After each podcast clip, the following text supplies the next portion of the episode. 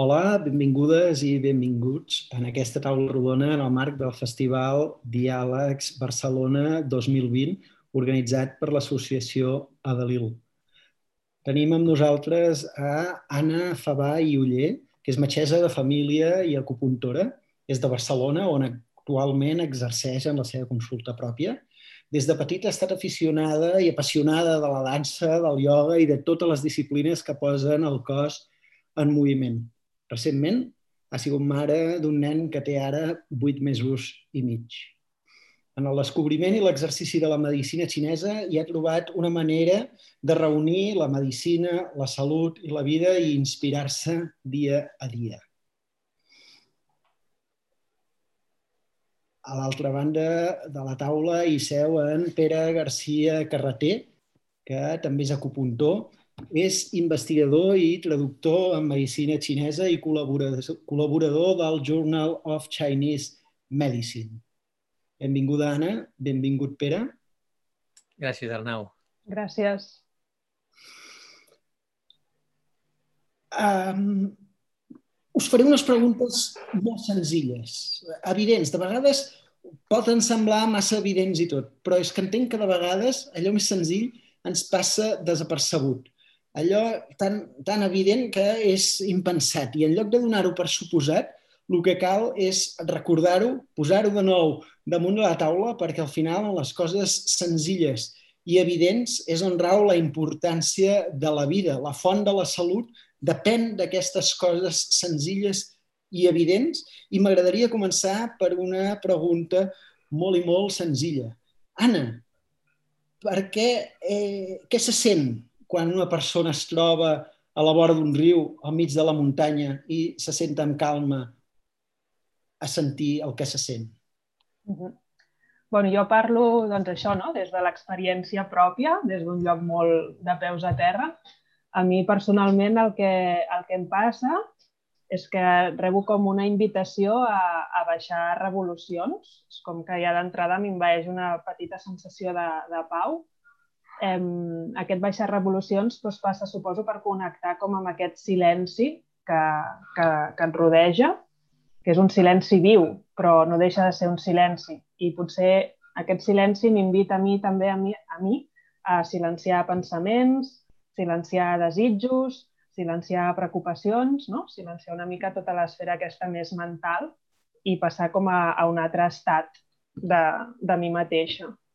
Alhora connecto amb, amb una certa quietud, tot i que és una quietud també que sempre està en moviment. És a dir, en el riu, no? al costat d'un riu, per exemple, pues, notes una quietud, una pau, però veus que alhora aquella aigua no deixa, no deixa de fluir.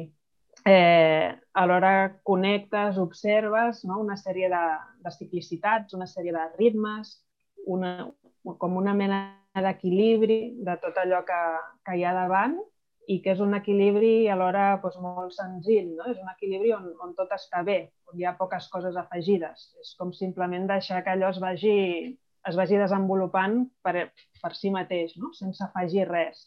Jo suposo que totes aquestes característiques que observo a fora o que sento ressonen amb, amb aquestes qualitats que, que jo també sóc o que jo també tinc a dins meu i és una mica eh, el que amb l'acupuntura o la medicina xinesa, que entén l'home, la persona, com un, com un estat natural més, eh, pretén restituir no? conceptes com això, no? com el silenci, la quietud, l'harmonia, la ciclicitat, els ritmes naturals de les coses. Mm, una mica vindria per aquí. Es posa tot això, és com que ho, ho palpo més, no? ho, ho sento més en mi. Hi ha un text, perdoneu, eh, en, en aquest sentit, d'un dels erudits xinesos, que és el Zhuangzi, que parla una mica d'això, no? Diu, los grandes bosques, las colinas y montañas son buenos para el hombre, porque su espíritu halla en ellos incomparable bienestar y sosiego. I després també he recollit una altra cita d'un filòsof alemany que comenta, diu, la naturaleza es el espíritu visible y el espíritu és la naturalesa invisible, que potser a partir d'aquí dono peu una mica al Pere, si us sembla, per, per acabar de lligar no? tot el tema aquest de l'espiritualitat, la naturalesa, aquest esperit més general. M'apunto a aquesta frase de que la naturalesa és l'esperit visible i en canvi l'esperit és la naturalesa invisible. Aquest, aquesta, aquesta ensenyança pot ser, pot ser dita dins de la tradició xinesa. Pere, agafa-li el relleu a, a l'Anna, sisplau. Sí, jo ara escoltant a l'Anna em venia, em venia la idea aquesta de, del mirall, no? de que, que estem, estem observant la natura i, i veient la seva harmonia, escoltant el seu silenci i, i això és un reflexe de, del que tenim a dintre, del que som nosaltres, no? aquesta harmonia, aquest silenci. Això és el que... Això és el nostre estat natural d'equilibri, no?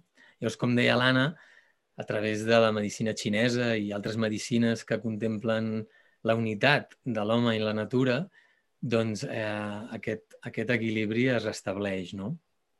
I, i moltes vegades, com diu Chuang Tzu, no? una, una de les teràpies o, o indicacions terapèutiques és eh, anar a la natura.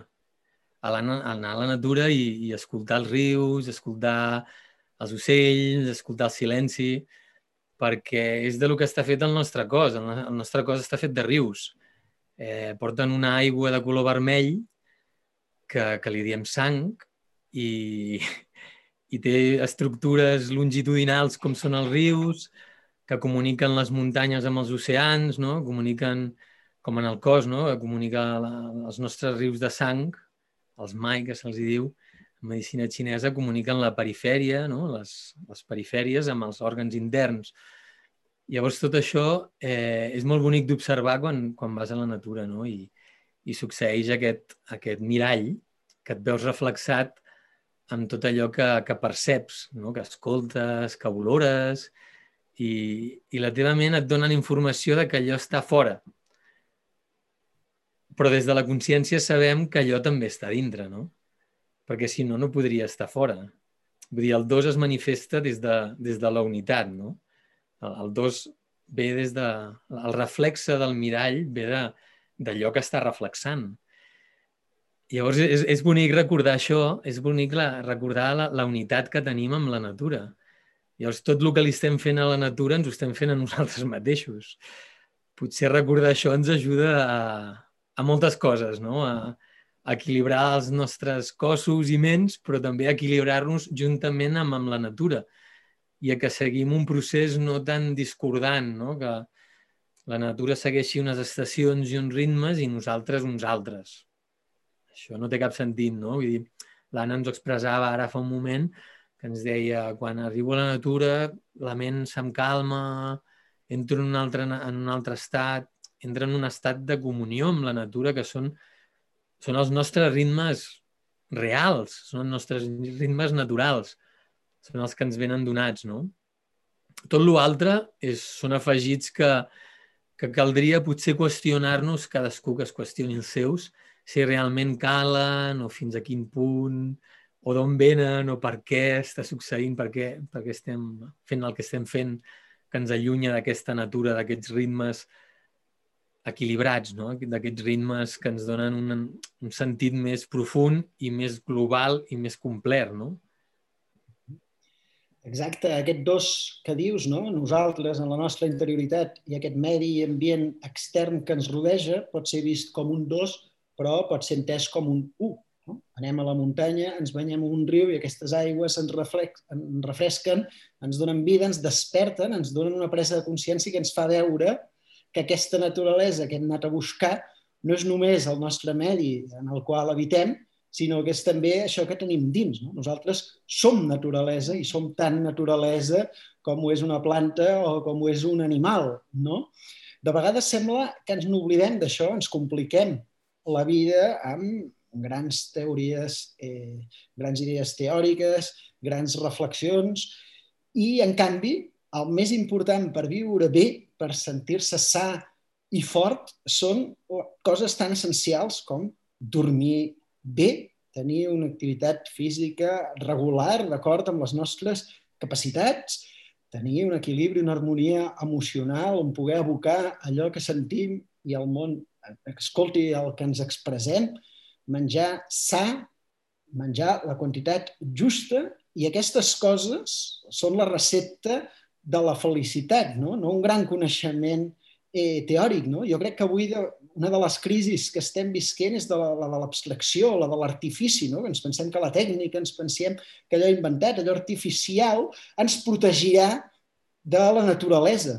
I potser és hora que canviem una mica d'actitud i que veiem que la naturalesa és la font de la vida aquest món no l'hem creat nosaltres com un invent nostre, sinó que aquest món ens ha creat a nosaltres. Nosaltres hem sorgit en aquest món, que nosaltres no sabríem com crear una existència tan meravellosa com les, la que tenim la sort de viure i tornar amb aquestes coses essencials que ens fan reconnectar a la naturalesa i ens fan adonar que som naturalesa.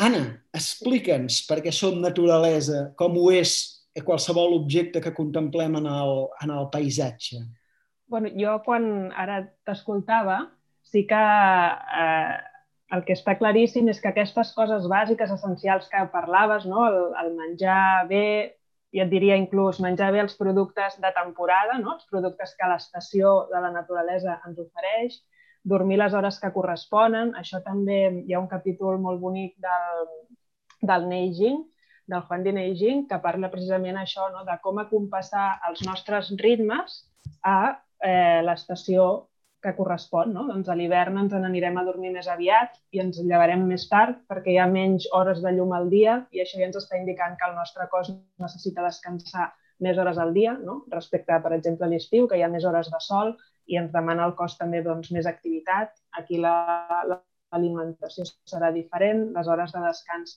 seran diferents eh, el matís també inclús emocional no? de, cada, de cada estació de l'any.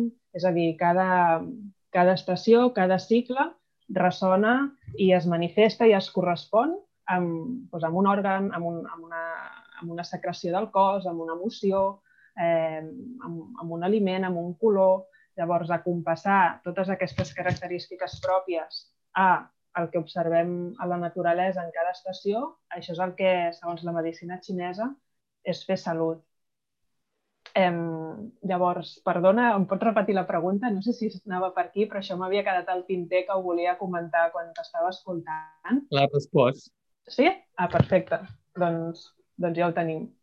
I què hi diries tu, Pere? bueno, jo ara, agafant això que deies tu i l'Anna, potser també afegiria el respirar. Hem de menjar bé, hem de descansar bé, però ajudar, ajudar la respiració en moments que es bloqueja, no? ser conscients de la respiració és molt important. És molt important perquè ens dona també aquest punt de consciència entre, entre aquesta unitat real que existeix entre la natura externa i la natura interna. Perquè un inspira, agafa tot allò de fora, ho transforma i llavors expira. No? Llavors hi ha aquesta comunicació hi ha aquesta interacció entre l'extern i l'intern d'aquesta forma tan sutil, no? que és a través de l'aire.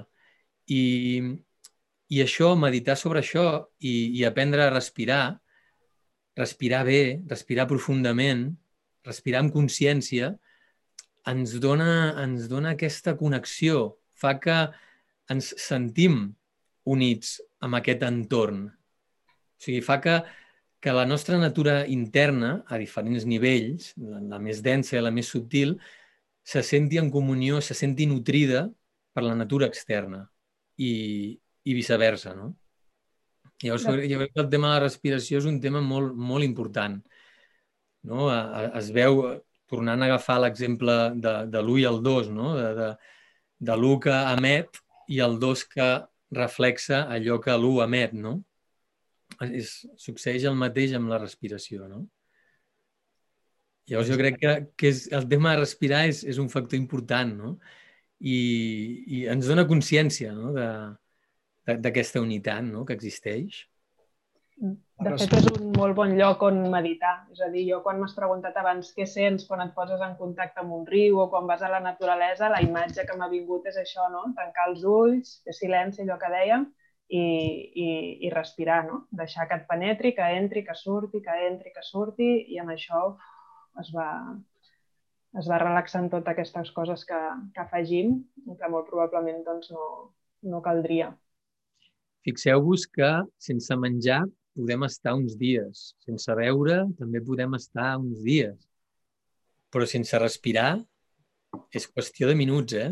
La respiració és algo essencial no? dintre de, del manteniment de la vida, no? del cultiu de la vida, del manteniment de la vida. I bueno, per, això, per això els arbres són tan importants, no?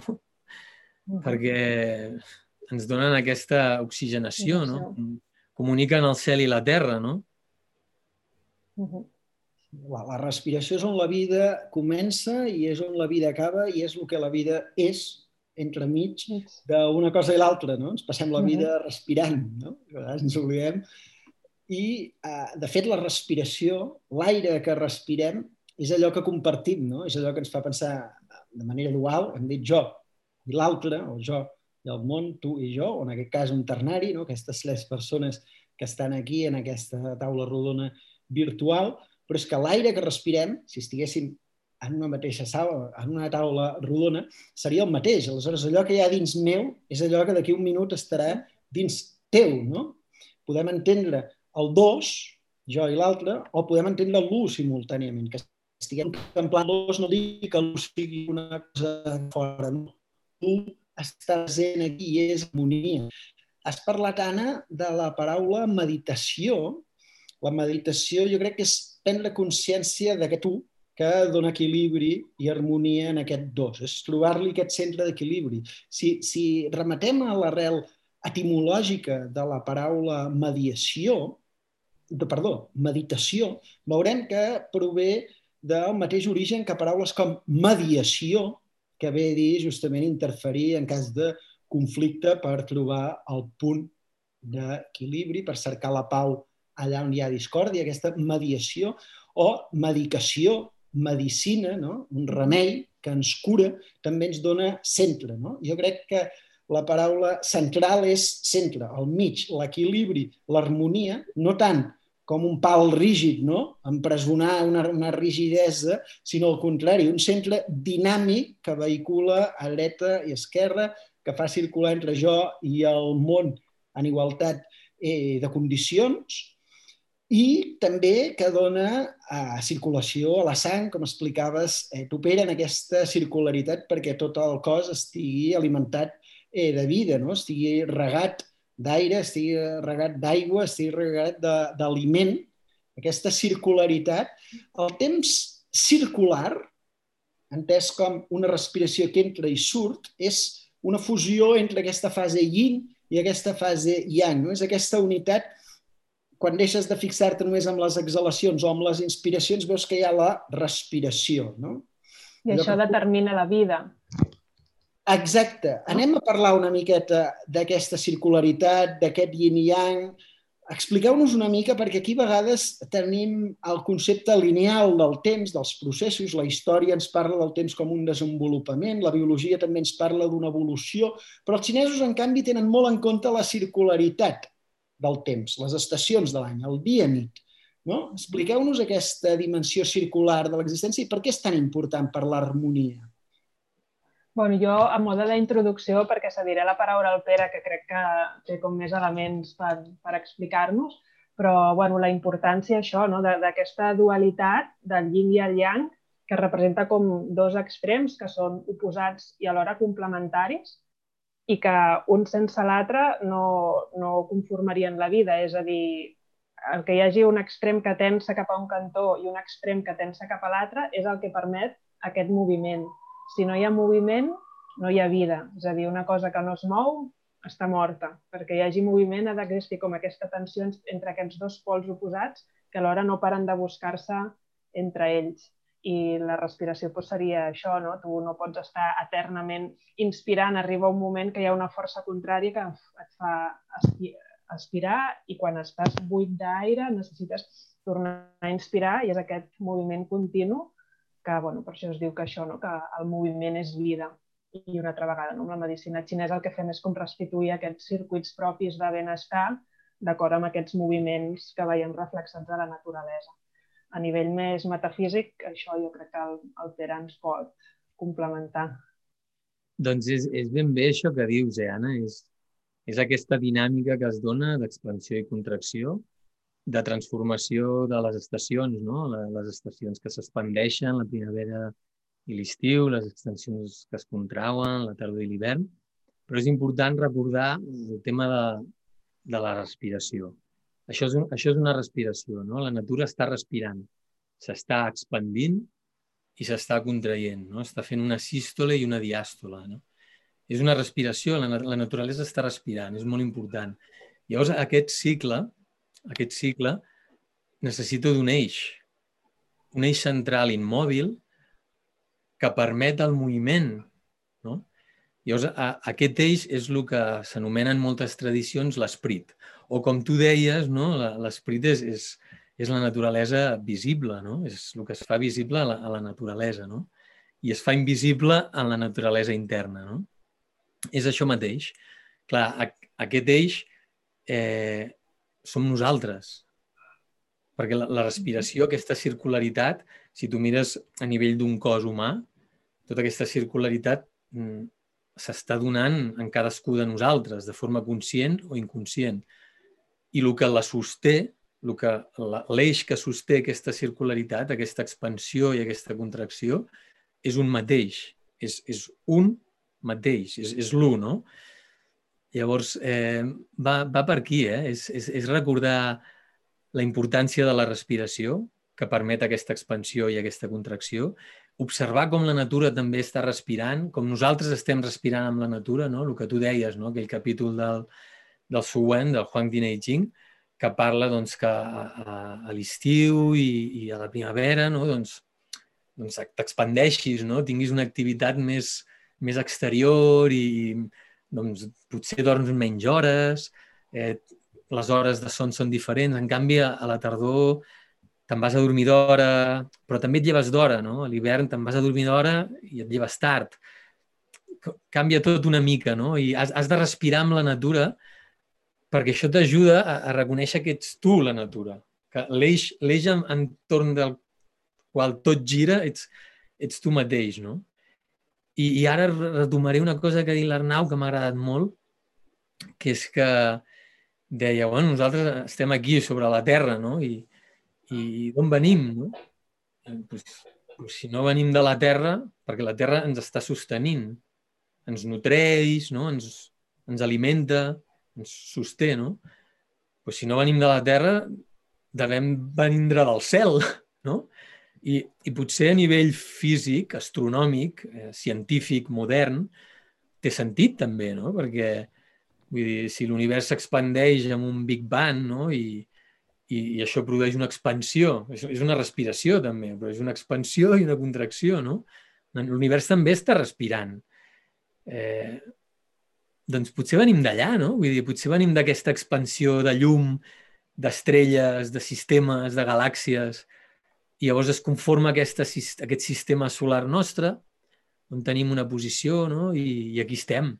Però clar, les nostres matèries venen de dalt, venen del cel, venen de les estrelles, no? Estem, fet de, estem fets de pols d'estrelles, estem fets de llum, estem fets de llum i aigua. Llavors, en diferents estats de coagulació, de... llavors aquesta llum en moltes tradicions se, se l'anomena l'esperit. L'esperit també recordem que quan fem meditació estem respirant, no? Quan, quan l'Anna ens comentava, estic al costat del riu, respirant, calmant, harmonitzant-me amb aquesta respiració del planeta, harmonitzant-me amb aquesta respiració de l'univers, allò és un contacte amb l'esperit. Saps? Allò, tu, t'estàs oblidant de la teva dualitat. Estàs entrant en, en unitat i en la unitat és, és on està l'esperit, perquè és, és l'eix immòbil. És, no? El Dao de Jing té molts passatges, no? és, és el que no es mora, és el que permaneix, no?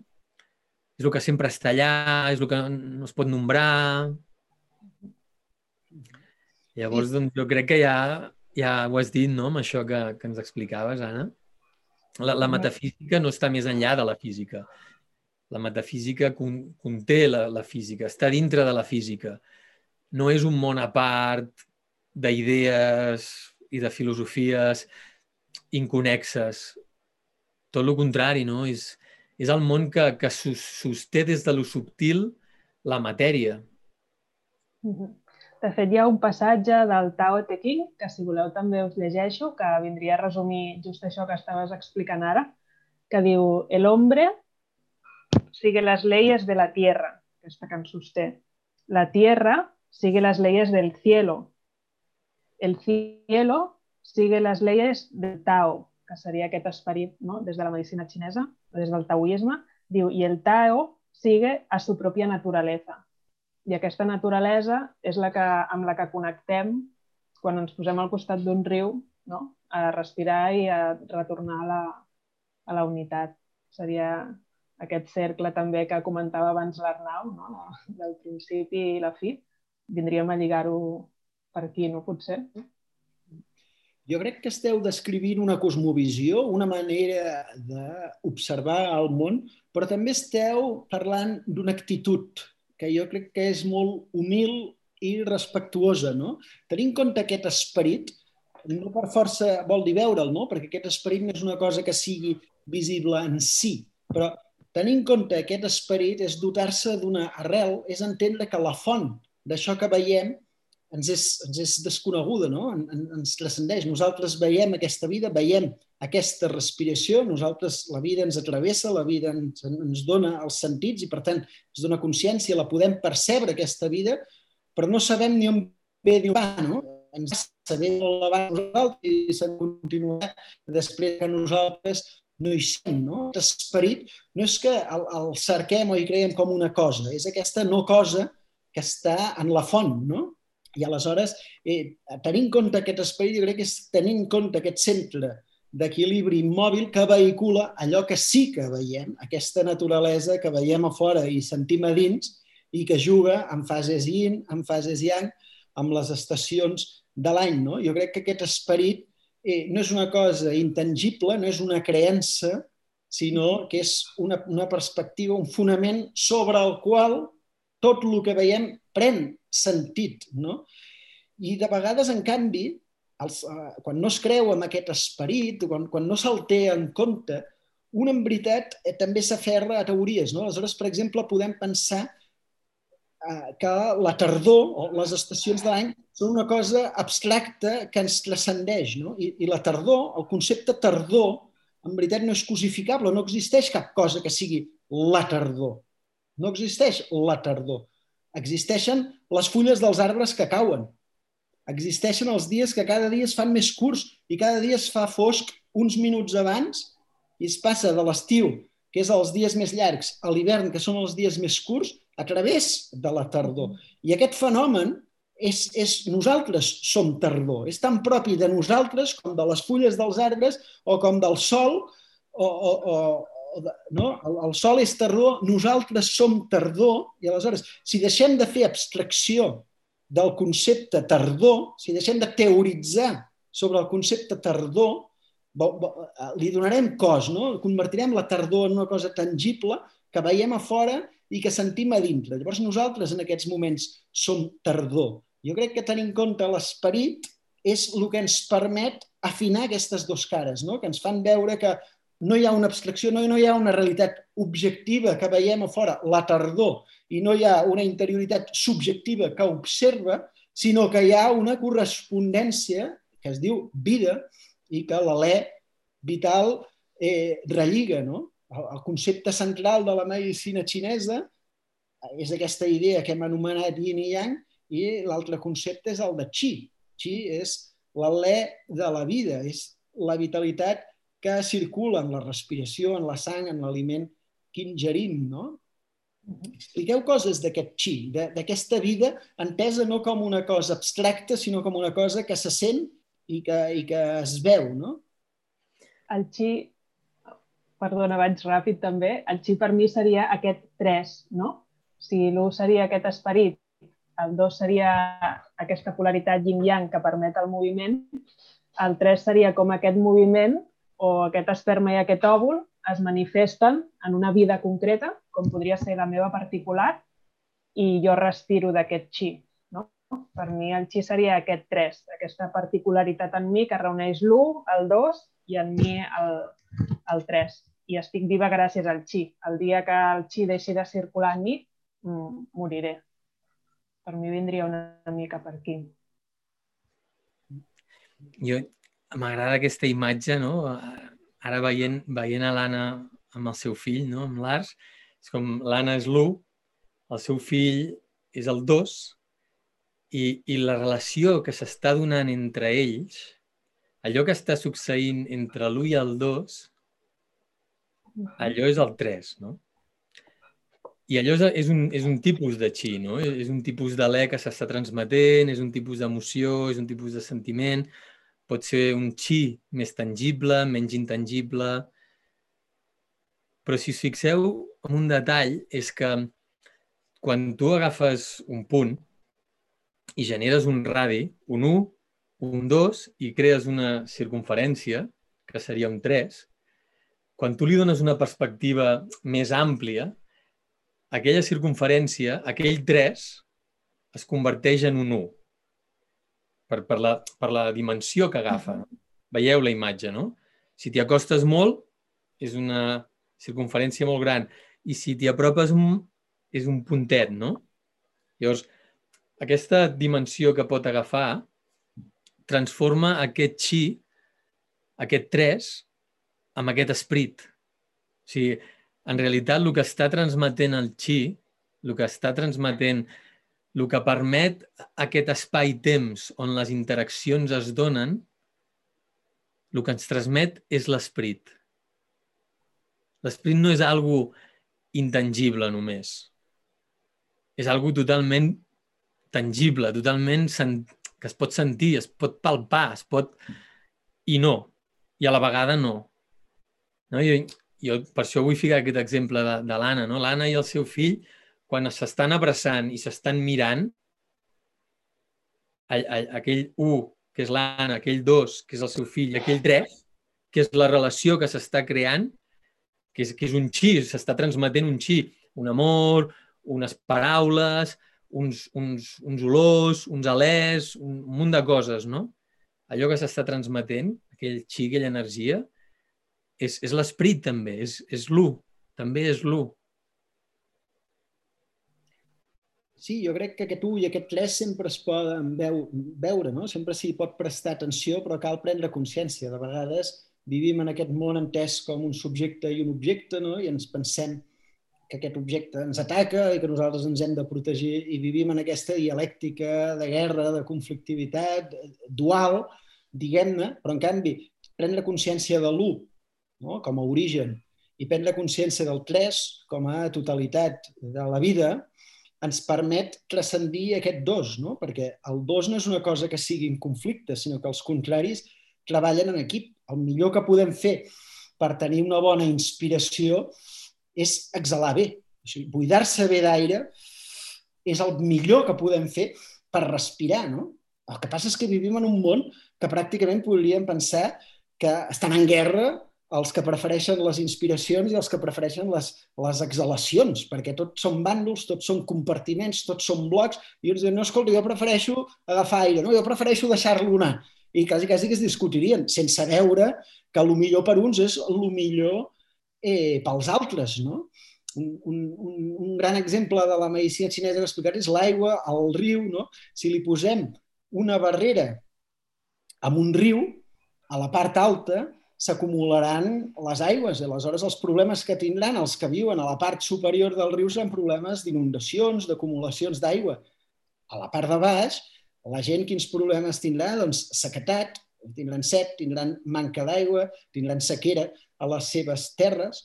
És cert que el remei pot ser hidratar allò sec. És cert que el remei pot ser humidificar, oh, perdó, eh, sí, hidratar i humidificar allò sec i anar a secar i a treure aigua amb galledes d'allò humit. Però al final la solució és obrir una comporta allà, allà, allà on hi ha una barrera. No? Jo crec que és el gran remei de l'acupuntura és buscar de punxar aquest punt bloquejat, aquest nus que no permet la circulació correcta. No? Una vegada trobes el punt, dones el clau, allò fa maig, i un problema resol l'altre, perquè les naturaleses de, de la faceta yin i la naturalesa de la faceta yang eh, so, són dolentes quan estan separades entre si. Però quan convergeixen i el yin es troba amb el yang, allà es dona harmonia, allò és salut. No? Per què en medicina xinesa el trastorn és entès com un bloqueig? Per què són tan dolentes malalties com, com el restrenyiment, com un empatx, com un ofec? Per què les malalties són justament que la vida no, no flueix? Anem una mica a la vostra, a la vostra consulta d'acupuntura, que potser veureu persones amb diferents patologies, però aquestes diferents patologies en veritat aboquen un bloqueig, no? una energia de la vida, un xi que no està fluint degudament. No? Anem a buscar una mica la consulta. bueno, bàsicament seria això que explicaves tu molt bé amb, la, amb el símil del riu, no? És, és un, són uns terrenys on, on hi falta la comunicació no? entre un punt i l'altre. Llavors, el que es fa amb l'acupuntura, això que dius de desbloquejar, és com posar en comunicació no? extrems que estan doncs, incomunicats, que això ha traduït als conflictes del món actual, moltes vegades també el que faltaria seria això, no? una mica més de comunicació. Llavors això ha portat al tema de l'estrenyiment, eh, el tema de migranyes, que per exemple doncs, no, per acúmuls d'emocions contingudes o no expressades s'acaben doncs, pujant cap a dalt. Mm, per mi rau bastant això, no? en, en, en posar en comunicació mm, sistemes, mm, regions del cos que, que estan incomunicades, que estan bloquejades. No se m'acut ara així cap exemple més en concret, però el, el punt de la comunicació com a paraula el trobo significatiu. Estic totalment d'acord. La comunicació és algo bàsic i essencial i, i en els textos de medicina mm, no paren de parlar de, de, de la comunicació, no? de, de la bona comunicació entre les diferents fàcies, teixits, òrgans i, i sobretot entre els temps. Els temps també s'han de comunicar, no? Els temps em refereixo als temps externs i als temps interns, a les estacions, no? Si, si un sistema tardor, doncs aquell temps s'ha de comunicar amb el temps intern. Aquella persona ha de viure la tardor, no? el que tu deies, no? vull dir, donar-li una expressió a, en diferents àmbits i, i generar tardor. Generar una tardor per comunicar amb la tardor que ve del cel. Saps? Generar tardor en, en els nostres hàbits, amb l'hora d'anar a dormir, amb l'hora de menjar, amb l'hora de, de respirar també, no? Hi ha alguna que afavoreix la comunicació, és la respiració. Si us fixeu a les consultes, una persona que té un dolor, que és com una expressió bàsica de no comunicació, perquè la no comunicació produeix dolor i patiment en qualsevol àmbit de la vida humana, eh, és que no respira. No respira bé. És, és immediat, no? Vull dir, la, la fas respirar una mica profundament o la fas respirar allà on no respira i ja comença a transformar-se. Ja, ja comença a haver-hi un procés de transformació i de comunicació, no? la, la comunicació és algo essencial no? a, en qualsevol àmbit no? i, i en l'àmbit mèdic i de l'acupuntura, de fet, és una de les funcions bàsiques de l'acupuntura. No? L'agulla la, té una acció de, de, de comunicació, no? de desbloquejar, d'obrir un pas perquè allò que estava dalt comuniqui amb lo de baix, allò que estava dins comuniqui amb lo de fora. Sí, sí, és essencial, no? I, i es veuen... De fet, qualsevol tipus de patologia es podria traduir, interpretar amb, amb una falta de comunicació en algun aspecte, no? Doncs aquell, aquell riu, aquell, aquell mai, aquella vena, aquella artèria, eh, aquell canal no irriga, no comunica bé amb l'òrgan intern, no comunica bé amb el seu òrgan sensorial. No? El fetge no comunica bé amb els ulls, doncs estic perdent vista, no veig a les nits, tinc visió borrosa eh, amb cada òrgan, amb cada, amb cada aspecte de, del cos es podria fer aquesta lectura. No? La comunicació és algo essencial i, i la veritat és que a través de la respiració es restableix la comunicació. De fet, a, a la consulta, la majoria de, de pacients, eh, abans de començar amb la teràpia d'acupuntura, fem una mica de respiració, perquè és que si no em bloquejaran, em bloquejaran el tractament, no? Sense donar-se en compte, sense ser conscients, em bloquejaran el tractament. És com, aviam, on, on no vols respirar, no? On, on, no, on no vols ser? On no et vols manifestar? On no vols entrar? On estàs bloquejat? Doncs anem allà un moment, un instant, respirem allà, aviam què passa, i després ja serà més fàcil el procés de transformació a través de la dinamització de fluxes, sang, líquids, varis, metabolismes, mecanismes que es puguin activar, desactivar, obrir, tancar a través de l'acupuntura o, o altres tècniques no? que utilitzem. Uh -huh. Jo crec que és una... L'acupuntura, en aquest cas, amb aquestes idees que hem explicat, del Qi, del Yin al Yang, eh, ofereix una, una, una aproximació al, al cos humà i a, i a, i a, la seva, i a procurar la seva eh, salut, una visió realment eh, intel·ligent. No? L'acupuntor, com que no observa només un problema, sinó observa també aquesta globalitat de la persona, pot observar, per exemple, tornarà a l'exemple del riu, dels líquids, no? és que hi ha un acúmul d'humitats, hi ha una, una, una acumulació de líquids a, a les articulacions i hi ha una sequetat doncs, a la pell o a la gola o hi ha una set. Hi ha uns indicis de sequetat per una banda, hi ha uns indicis d'humitat per l'altra banda. Aleshores, un remei possible és anar posant emolients a la pell i anar donant eh, remeis contra aquell reumatisme. No? Però una manera absolutament intel·ligent, és, és el que em meravella de l'acupuntura, és que busca aquest espai de comunicació entre aquestes dues problemàtiques, entre aquesta pell seca i, aquests, i aquestes articulacions eh, amb líquid estancat, i busca un espai de comunicació. Un espai que és buit, en el sentit de punt d'acupuntura buit, que no vol dir altra cosa que vol dir espai que permet el pas, no? aquesta manera de tenir en compte l'esperit, que aquesta manera espiritual de mirar el cos humà és entendre'l com un recipient buit on la vida hi té lloc. No? El fet d'entendre que hi ha un buit és el que ens permet col·locar aquest yin, col·locar aquest yang, aquesta humitat o aquesta, o aquesta eh, sequetat, i donar-li moviment perquè no separin la humitat per una banda i la sequetat per altra. No? Gràcies al buit hi ha equilibri. Gràcies al buit la plenitud està sana i dialoga, la plenitud és el yin i el yang que veiem, la calor i el fred, eh, el que puja, el que baixa, el que entra, el que surt, el que mengem i el que excretem, doncs en aquest yin i yang que és la vida, gràcies al buit hi ha salut perquè hi ha espai eh, de moviment. No? Acabo de recollir també l'altre concepte clau que heu mencionat en les últimes intervencions, que és el de comunicació crec que sou i heu sigut molts bons eh, comunicadors, que heu transmès molta informació molt valuosa, que és una gran saviesa tradicional que demostra que el vostre bagatge i la vostra expertesa en això que parleu és molt gran, però al mateix temps sense perdre aquesta proximitat amb l'oient, que jo crec que tot i que heu dit algunes paraules difícils en llengua xinesa, crec que l'oient que vegi aquest vídeo les ha entès eh, perfectament. Us vull agrair aquest gran nivell en les vostres exposicions i aquesta proximitat. I ara tocaria obrir un torn de preguntes, que no ho podem fer perquè aquest acte s'ha hagut de fer online. Per tant, afegiu el que considereu oportú per anar acabant de tancar aquesta exposició i que quedi ben rodoneta. No? Us dono un espai per si voleu acabar de matisar o de portar alguna cosa més i després doncs, ens despedirem.